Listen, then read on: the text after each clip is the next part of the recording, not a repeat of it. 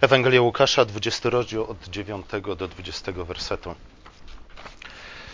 Ta, ta, ta część Ewangelii Łukasza opisuje wydarzenia mające miejsce w czasie Wielkiego Tygodnia. Chrystus przybył do Jerozolimy, co więcej, Chrystus przyszedł do świątyni, jak pamiętamy, oczyścił, oczyścił ją, przy okazji nazywając jaskinią zbójców. E, ta przypowieść, tę przypowieść Jezus opowiedział także w świątyni. Mnóstwo, praktycznie wszystkie te wydarzenia, które e, dzieją się w czasie Wielkiego Tygodnia, no, może nie wszystkie, ale większość z nich ma miejsce w świątyni. Świątynia jest kontekstem, w którym powinniśmy odczytywać te słowa i interpretować je.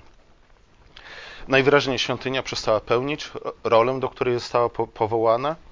Jezus, jak może pamiętacie, dwukrotnie odwiedził świątynię i dwukrotnie dokonał oczyszczenia świątyni. Wiemy to z Ewangelii według świętego Jana. Zaraz na samym początku swojej służby Jezus odwiedził raz świątynię, dokonał jej, jej oczyszczenia. Później po trzech latach przybył powtórnie, dokonał ponownej inspekcji i niestety okazało się, że to pierwotne oczyszczenie na nic się nie, nie zdało. I tak jak czytamy to w prawie mojżeszowym, dom, który został dwukrotnie oczyszczony, czy też raz oczyszczony, druga inspekcja okazała się, że dom nadal jest jak to mówi Mojżesz, trędowaty, taki dom należy zburzyć. I rzeczywiście Jezus zapowiedział zniszczenie Jerozolimy, y, świątyni. To dokonało się 40 lat później, w roku 70. W 20 rozdziale Jezus opowiada przypowieść o czym? O niewdzięcznych dzierżawcach winnicy, którzy zamiast płacić należny czynsz właścicielowi, w końcu zabili jego, jego syna. Tym synem oczywiście jest Chrystus, E, niewdzięcznymi dzierżawcami najwyraźniej są przywódcy Izraela, zwłaszcza ci, których krytykował. A ponieważ jesteśmy cały czas w świątyni, należy, należy też słowa odnieść, jeśli nie tylko i wyłącznie, to także do, do kapłanów, arcykapłanów, tych, którzy byli odpowiedzialni za to, co działo się w świątyni.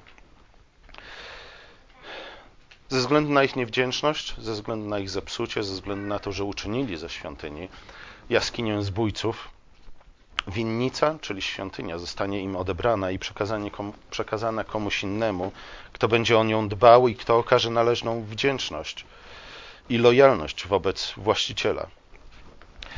Dlaczego, dlaczego identyfikujemy winnicą, o której tutaj mowa, ze świątynią? Często odnosi się y, winnicę do całego Izraela i rzeczywiście Stary Testament tak to opisuje. Izrael jako całość, jako świątynię, jako winnicę, e, ale wydaje mi się, że tu powinniśmy za, zawęzić to znaczenie zwłaszcza do świątyni, a to z kilku względów. Po pierwsze, w pierwszej księdze królewskiej w piątym rozdziale, w piątym wersecie znajdujemy słowa następujące. Przez wszystkie dni Salomona, Juda i Izrael mieszkali bezpiecznie, każdy pod swoją winoroślą i pod swoim drzewem figowym, od Dan do Berszeby. Dan było na północy, Berszeba była, była na południu. A zatem to zamieszkiwanie pod winoroślą, zamieszkiwanie pod drzewem figowym było nie tylko symbolem dostatku, bezpieczeństwa, jakie Izraelowi zapewnił Salomon, ale same w sobie były, są przedstawiane jako źródło bezpieczeństwa. Nie? To nie za bardzo nam pasuje, dlatego że jakim zabezpieczeniem przed wrogami, jakim zapewnieniem pokoju jest winorośl, czy też winnica i, i drzewo figowe. Same w sobie za, zapewne nie były żadnym, żadną bezpieczną kryjówką, ale wydaje się, że, że, chodzi też o coś więcej niż tylko i wyłącznie o symbol dostatku, pokoju, jakim cieszył się Izrael ze względu na siłę militarną Salomona. Znamy Pismo Święte na tyle dobrze, żeby pamiętać, iż y, znów siła militarna nie jest tym, co jest tak naprawdę w stanie zapewnić ludziom bezpieczeństwo. Nie? Bóg wielokrotnie pokazuje Izraelowi, pokazuje nam to, iż y, nie w naszej własnej mocy leży nasze bezpieczeństwo, że Bóg bardzo często posługuje się tym, co jest słabe, co jest znikome, co jest odrzucone, wzgardzone przez, przez ludzi, po to, żeby ustanowić swoje rządy, po to, żeby zapewnić swemu ludowi bezpieczeństwo. Winorośl, figowiec, w księdze Izajasza, ale także w Ewangelii Marka w 11 rozdziale, e, pojawiają się jako symbol świątyni. U Izajasza w 5 rozdziale jest to winnica, w 11 rozdziale Ewangelii Marka jest to, jest to drzewo figowe. E, to pokazuje nam, iż nie armia Salomona, ale przede wszystkim świątynia zapewniały bezpieczeństwo Izraelowi. Izraelici byli tego świadomi. Pewnie pamiętacie, jak często Izraelici reagowali na, na słowa proroków, którzy zapowiadali zniszczenie miasta Jerozolimy, którzy zapowiadali niewolę. Bardzo często odpowiadali na te słowa proroków, e, mówiąc: Świątynia Pańska, świątynia Pańska, świątynia Pańska. Izraelici wiedzieli, że świątynia Pańska jest zabezpieczeniem przed wrogami. Jednak Jezus, Jeremiasz, inni prorocy często stwierdzali, iż sama obecność świątyni pańskiej w Izraelu e, znów nie jest, nie jest gwarantem bezpieczeństwa. To nie świątynia jako budynek, to nawet nie obrzędy sprawowane w świątyni jako takie były gwarantem bezpieczeństwa dla ludu Bożego. Świątynia była gwarantem bezpieczeństwa jako dom Boży. Żeby jednak świątynia była domem Bożym, tym domu musiał, się, musiał być sprawowany właściwy kult, ale też w tym domu musiało być głoszone Słowo Boże. Ten dom miał być źródłem nie tylko pouczenia, ale też siły, dobrego przykładu dla całego ludu, aby właśnie lud, gdy odwiedzał świątynię, uczył się właściwych rzeczy, uczył się właściwych postaw i żył według, według nich. Kiedy przywódcy Izraela uczynili z domu Boga jaskinię zbójców, Wtedy świątynia przestała być gwarantem bezpieczeństwa dla Izraela. E, wtedy chwała Boża opuściła, opuściła świątynię. Świątynia, choć wciąż robiła wielkie wrażenie z estetycznego punktu widzenia, nawet uczniowie, po całej krytyce, jaką, jaką Jezus y, zaadresował, e, czy też jaką Jezus przedstawił pod adresem świątyni, wciąż uczniowie byli pod wielkim, niesamowitym wrażeniem tego wielkiego, niesamowitego, pięknego kompleksu budynków, który zajmował znaczną część Jerozolimy. Jezus mówi jednak, słuchajcie, tak, zgadza się, nie? Budynek, budynek jest piękny, kompleks jest cudowny, ale jest jaskinią zbójców. Jest jak ten grób pobielany, z zewnątrz piękny, w środku pełen zepsucia. Ten budynek, piękny i cudowny, e, o niesamowitej tradycji, mogący się poszczycić wieloma dobrymi e, momentami w swojej historii, a jednak opuszczony przez Bożą chwałę, zamieniony w jaskinię zbójców, był nie tylko świadectwem odstępstwa Izraela, ale też zapowiedzią sądu nad Izraelem. Był, był tak jak obrączka na palcu niewiernego męża. Symboli powinien symbolizować coś dobrego, coś pięknego, coś wspaniałego, ale jednak w połączeniu z niewiernością męża był oskarżeniem przeciwko niemu. Był nie tylko świadectwem tego, że nie dochowuje ślubów, jakie złożył, ale też był oskarżeniem przeciwko niewier niewiernemu mężowi. W ten sposób e, powinniśmy odbierać świątynię w czasach Jezusa. Tak, właśnie ze względu na cel, w jakim Bóg ustanowił świątynię, właśnie ze względu na jej piękno właśnie ze względu na jej historię i tradycję, e, ponieważ stała się jaskinią zbójców, była oskarżeniem skierowanym pod adresem przede wszystkim przywódców Izraela. Przywódcy Izraela wygonili zeń Boga przez swoje nikczemne czyny, korupcję hipokryzję. Świątynia w ich czasach, zamiast być domem Boga, zamiast świecić przykładem, stała się jaskinią zbójców. Stała się źródłem zepsucia dla całego narodu. A jak wiemy, naród izraelski został powołany przez Boga do tego, aby być światłem dla innych narodów, aby nieść Ewangelię innym narodom. Izrael jednak, ze względu na zepsucie świątyni, przestał być tym źródłem. Nie? Stał się zatrutym źródłem, które zamiast napełniać świat chwałą Bożą, napełniał świat zepsuciem i hipokryzją. Tym sposobem świątynia y, nie tylko zaczęła, przestała zapewniać, nie zapewniała już więcej pokoju i dostatku ludowi Bożemu, lecz stała się swoim przeciwieństwem, narzędziem zniewolenia i wyzysku. Świątynia miała nie tylko zapewnić ludowi Bożemu pokój i bezpieczeństwa, pokój i bezpieczeństwa, była, była też ogrodem Bożym.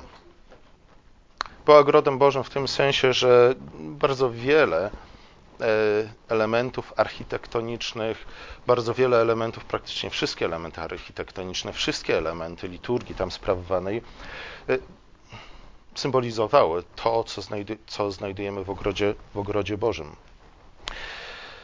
Tam lud miał spotykać się z Bogiem. Po co? po to, aby zostać wyposażonym do misji w świecie, do której powołał go Bóg. E, w niej, między innymi, lud miał znaleźć schematy, według których miał zagospodarować resztę świata. W niej lud miał nauczyć się tego, e, czym jest, co to znaczy być ludem Bożym. W niej miał poznawać Boga, po to, aby stawać się coraz bardziej podobnym do Niego. Widzicie, myślę, że, że możemy to odnieść także do no właśnie, w jaki sposób powinniśmy odnieść to do, do, naszej rzeczywistości? Co jest dla nas dzisiaj świątynią? Czy w ogóle mamy jakąś świątynię? Wydaje się, że apostoł Paweł dość jednoznacznie stwierdza, że tak, nie? my jako Kościół jesteśmy świątynią Bożą. Nie? Co jednak z kultem świątynnym? W jaki sposób ten kult świątynny odnosi się do nas? Wydaje mi się, że, że kult świątynny, zresztą mówiliśmy o tym wiele przez ostatnie kilka miesięcy na, na katechezach, kult świątynny powinniśmy odnieść do naszego, do naszego nabożeństwa. Bardzo wiele elementów naszego nabożeństwa i pod, jego podstawowy schemat odpowiada temu, co znajdujemy w świątyni. Oczywiście z kilkoma istotnymi zmianami, wskazującymi na to, że nie oczekujemy wciąż na Mesjasza, ale żyjemy po przyjściu Mesjasza. Jednak żyjemy w Nowym Przymierzu, a nie w Starym Przymierzu. Więc powinniśmy oczekiwać tego, że pewne elementy kultu, e, które w Starym Przymierzu wskazywały na obietnicę e, Mesjasza, w Nowym Przymierzu będą przypominać nam to, czego Mesjasz dokonał, kiedy przyszedł. Ale wydaje mi się, że, że, że mimo wszystko to, co Jezus mówi na temat świątyni, to, co Jezus mówi na temat zepsucia świątyni, świątyni powinniśmy odnieść do, do nabożeństwa, a także do, do Kościoła jako instytucji. Oczywiście Kościół jest czymś więcej niż instytucja, niemniej jednak jest także instytucją. Zobaczcie, kiedy brakuje na naszym nabożeństwie wyznania grzechów, co o tym komunikujemy? Komunikujemy być może, że, że grzech nie jest naszym problemem, przynajmniej nie naszym osobistym. Tak, Zgadzamy się ogólnie rzecz biorąc, że, że grzech wciąż jest problemem dla świata, prawdopodobnie dla innych ludzi, ale niekoniecznie dla nas. Co to rodzi? Często rodzi to hipokryzję. Nie? Udawanie tego, że jesteśmy ludźmi rzeczywiście lepszymi niż w rzeczywistości. E, albo udawanie tego, że, że możemy stanąć przed Bogiem, przed świętym Bogiem w swojej własnej sprawiedliwości, a nie w sprawiedliwości Chrystusa. Kiedy brakuje na naszym nabożeństwie Słowa Bożego, co tym komunikujemy? Komunikujemy, że jesteśmy w stanie o własnych siłach wy, wydedukować to, co jest dobre, a co złe. Co to z kolei komunikuje? Co to z kolei rodzi? Myślę, że w gruncie rzeczy rodzi to głupotę, nie? bo nie jesteśmy w stanie bez Słowa Bożego, bez pouczenia, jakie tam znajdujemy, y, dojść do tego, co naprawdę jest dobre i złe. Dzisiaj bardzo często politycy mówią o tym, że po co oni idą po władzę, bo chcą wspólnego dobra. Nie? Trudno się z tym zgo nie, nie, zgodzić. Nie? Trudno krytykować ludzi, którzy, którzy mówią w tak bardzo ogólny sposób. Nie? No bo co? Jeśli jesteś przeciwko temu, żeby oni sprawowali władzę, to automatycznie jesteś przeciwko temu, przeciwko wspólnemu dobru. Nie? Dzisiaj bardzo często próbuje nas się zaczarować takimi słowami jak dobro, jak miłość, jak sprawiedliwość, e, ale te słowa same w sobie są abstraktami, które nic nie znaczą. Nie? Miłość, dobro, sprawiedliwość, te, te słowa nabierają znaczenia tylko i wyłącznie w świetle tego, co Bóg mówi na temat miłości, dobra i sprawiedliwości. To są jedyne prawdziwe definicje tego, czym jest dobro, prawda, sprawiedliwość i tak dalej. E, niemniej jednak, gdy zabraknie w naszym życiu, a zabraknie w naszym życiu pewnie tego zakotwiczenia w Słowie Bożym, gdy zabraknie tego Słowa Bożego na naszym nabożeństwie, staniemy się jak Adam i Ewa, którzy sami będą chcieli, chcieli określać, co jest dobre, a co złe. Kiedy brakuje na naszym nabożeństwie wieczerzy, czego brakuje na naszym nabożeństwie? Brakuje, brakuje Eucharystii, nie? czyli dziękczynienia. Brakuje komunii, czyli wspólnoty. Co w ten sposób komunikujemy? Być może komunikujemy, że, że sami so, w sobie zawdzięczamy nasze sukcesy życiowe, a może komunikujemy to, że jesteśmy w stanie obejść się bez wspólnoty Kościoła w naszym życiu, że jesteśmy w stanie być dobrymi, pobożnymi ludźmi, chrześcijanami bez wspólnoty Kościoła. Co to z kolei rodzi? Często rodzi to pychę i arogancję. Kiedy brakuje na naszym nabożeństwie posłania w świat, co w ten sposób komunikujemy? Być może komunikujemy, że, że wiara jest sprawą prywatną na dobrą sprawę, nie? że mieć osobistą relację z Jezusem oznacza mieć prywatną relację z Jezusem. Że nasza wiara nie ma żadnych publicznych, społecznych konsekwencji. Co rodzi? Co to rodzi? Do czego to prowadzi? To rodzi izolacjonizm. Nie? To sprawia, że jako chrześcijanie skupiamy się na swoim własnym prywatnym życiu, chcąc je jak najlepiej urządzić, oczywiście przy pomocy porad, jakie Chrystus nam, nam udziela, ale niekoniecznie widzimy, w jaki sposób miałoby to się przełożyć na życie społeczne, życie publiczne, życie polityczne, życie ekonomiczne. Oczywiście, to co powiedziałem jest bardzo pobieżne, nie? bardzo powierzchowne. Dużo więcej można było powiedzieć na ten temat, ale mówiliśmy o tym dużo do tej pory i jeszcze będziemy o tym mówić. Chciałem tylko wskazać na to, e, jak ważne jest to, jak wygląda nasze nabożeństwo, jak ważne jest to, jakie elementy są w nim zawarte i jakie mogą być konsekwencje zrezygnowania z któregoś z tych elementów. Oczywiście, nie? tu rodzi się pytanie, no dobrze, ale przecież w czasach Jezusa kult świątynny odbywał się dokładnie tak, jak Mojżesz go przepisał. Nie? Wszystko odbywało się dokładnie tak, jak Mojżesz to przepisał. Nie, my często interpretujemy wypędzenie przekupniów ze świątyni jako atak na samą obecność tych wszystkich handlarzy i cinkciarzy w świątyni. Nie? Jakby sama ich obecność była zła, ale nie o to chodzi. Nie? Ich obecność była tam jak najbardziej pożądana. Dlaczego? Dlatego, że Mojżesz powiedział, ci z was, Izraelici, którzy przybędą do Jerozolimy z daleka, oczywiście nie muszą ciągnąć ze sobą tej biednej owieczki przez kilkaset kilometrów, bo zanim ona dojdzie do Jerozolimy, to już pewnie zdechnie po drodze. Nie? Możecie przy, przy, przyjechać z pieniędzmi i kupić to na miejscu. Nie? A jak przyjedziecie z jakiegoś obcego kraju z obcą walutą, to oczywiście będziecie mogli ją wymienić i, i, i dokonać właściwego zakupu. Będziecie mogli wymienić swoje pieniądze na, na pieniądze, które, które można użyć do zapłacenia podatku świątynnego. Nie? To nie był problem jako taki. Problemem Jezus wypędził tych wszystkich przekupniów po to, aby zatrzymać kult w świątyni. Dlaczego Jezus chciał zatrzymać kult świątyni? Dlaczego Jezus wygonił ich po to, aby służba w świątyni zatrzymała się? No, z, znów, ze względu na, na hipokryzję tych, którzy sprawowali kult świątyni, ze względu na być może magiczne podejście do, do tego, co działo się w świątyni. W tamtych czasach w świątyni wszystko gdzie odbywało się według przepisów, nie? To znaczy, że my też możemy mieć doskonałą liturgię, wszystko sobie doskonale poukładać, a wciąż nie być dobrymi chrześcijanami. Nie? Jeśli będziemy hipokrytami, możemy mieć, przyjąć najlepsze zwyczaje, które wypracował Kościół do tej pory, ale to wciąż samo w sobie nie ochroni nas przed y, czym? Przed zepsuciem. Nie? Czy to znaczy, że nie ma żadnego znaczenia to, co działo się w świątyni? Czy to znaczy, że to nie ma żadnego znaczenia, jak wygląda nasze nabożeństwo? Wydaje mi się, że nie. Bo zobaczcie, nawet jeśli my uczestniczymy w rzeczach, które same w sobie są dobre, w sposób obłudny, jak kochy hipokryci, albo licząc na to, że, że poprzez samo zewnętrzne sprawowanie pewnych ceremonii, rytuałów możemy podobać się Bogu, czy możemy zyskać Jego akceptację, wciąż dobrze jest, że uczestniczymy w tym. Dlaczego? Ze względu na to, że te rzeczy stają się dla nas oskarżeniem one oskarżają nas. Nie? Jeśli uczestniczymy, jeśli myślimy, iż ofiara jest jedyną rzeczą, którą, której Bóg od nas wymaga. Jeśli, jeśli myślimy, że rzeczywiście e, ze względu na to, że nasze nabożeństwo wygląda tak, jak Bóg chce, aby wyglądało, możemy, wyszedłszy z tego miejsca, żyć jak nam się podoba. Nie? To jest błąd, który popełnił, popełnił Saul kiedy złożył ofiarę, nie czekając na, na Salomona.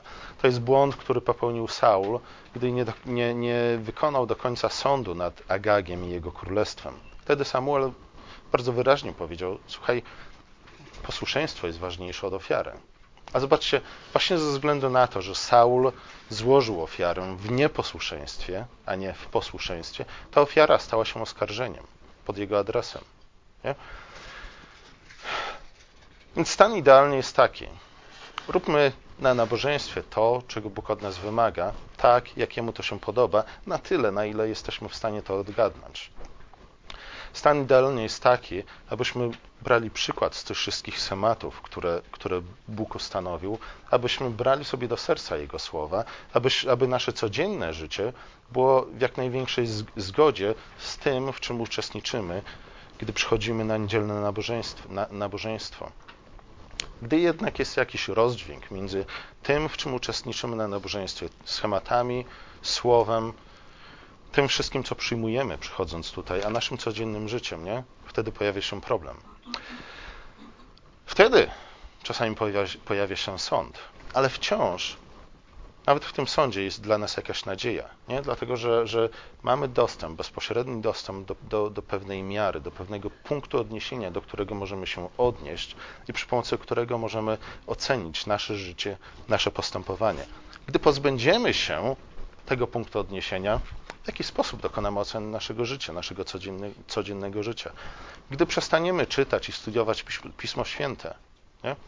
W jaki sposób będzie, dowiemy się, co jest dobre, a co złe, jakie decyzje podejmować w naszym życiu. Nie? Dlatego czytamy Pismo Święte na nabożeństwie, dlaczego nasza liturgia jest nasycona Pismem Świętym, po to, żeby przypomnieć nam od poniedziałku do soboty, nie? że to jest źródłem naszej mądrości. Nie? nie, nasze nabożeństwo nie jest nasycone Słowem Bożym tylko wyłącznie dlatego, albo dlatego, żebyśmy nie musieli czytać Pisma Świętego od poniedziałku do, do soboty. A raczej jest to zachęta do tego, abyśmy od poniedziałku do soboty także czytali Słowo i rozważali je, medytowali nad nim, jak bardzo często za, zachęcają nas do tego psalmiści. Kiedy świątynia stała się jaskinią zbójców, zagrożony był nie tylko i wyłącznie pokój i bezpieczeństwo ludu Bożego. I myślę, że warto na to także zwrócić uwagę, żebyśmy znów nie koncentrowali się tylko i wyłącznie na sobie. Żebyśmy nie koncentrowali się tylko i wyłącznie na, na naszym osobistym, naszej osobistej relacji z Jezusem. Aby ta relacja nie stała się w którymś momencie naszą prywatną relacją z Jezusem. Kiedy świątynia stała się jaskinią zbójców, yy, zagrożona została także misja Bożego ludu. Dlatego, że porządkując świat według skorumpowanych schematów, zapożyczonych z jaskini zbójców, Izrael zaczął napełniać świat, tak jak już to powiedziałem, zepsucią, nędzą i śmiercią. Nie? Ważne jest to, co dzieje się w świątyni, ważne jest to, co dzieje się na, na nabożeństwie, ważne jest to, jak my to traktujemy, na, na, na, ile poważnie to traktujemy, czy traktujemy to jako rzeczywiście pouczenie, czy przyjmujemy to z otwartym, szczerym sercem, czy raczej traktujemy to jako sposób na zagłuszenie naszego sumienia. E, ze względu na misję, do której zostaliśmy powołani. Nie? A misją naszą jest to, abyśmy szli w świat, głosili Ewangelię wszystkim narodom, przemieniali świat z chwały w chwałę, napełniali go chwałą i poznaniem Boga. Zobaczcie, taki stan nie mógł trwać w nieskończoność. Nie? Tu chodziło nie tylko i wyłącznie o, o kapłanów, faryzeuszy, uczonych w piśmie, tu chodziło nie tylko i wyłącznie o Izrael jako taki, ale tu chodziło o losy całego świata. Taki stan nie mógł trwać w nieskończoność.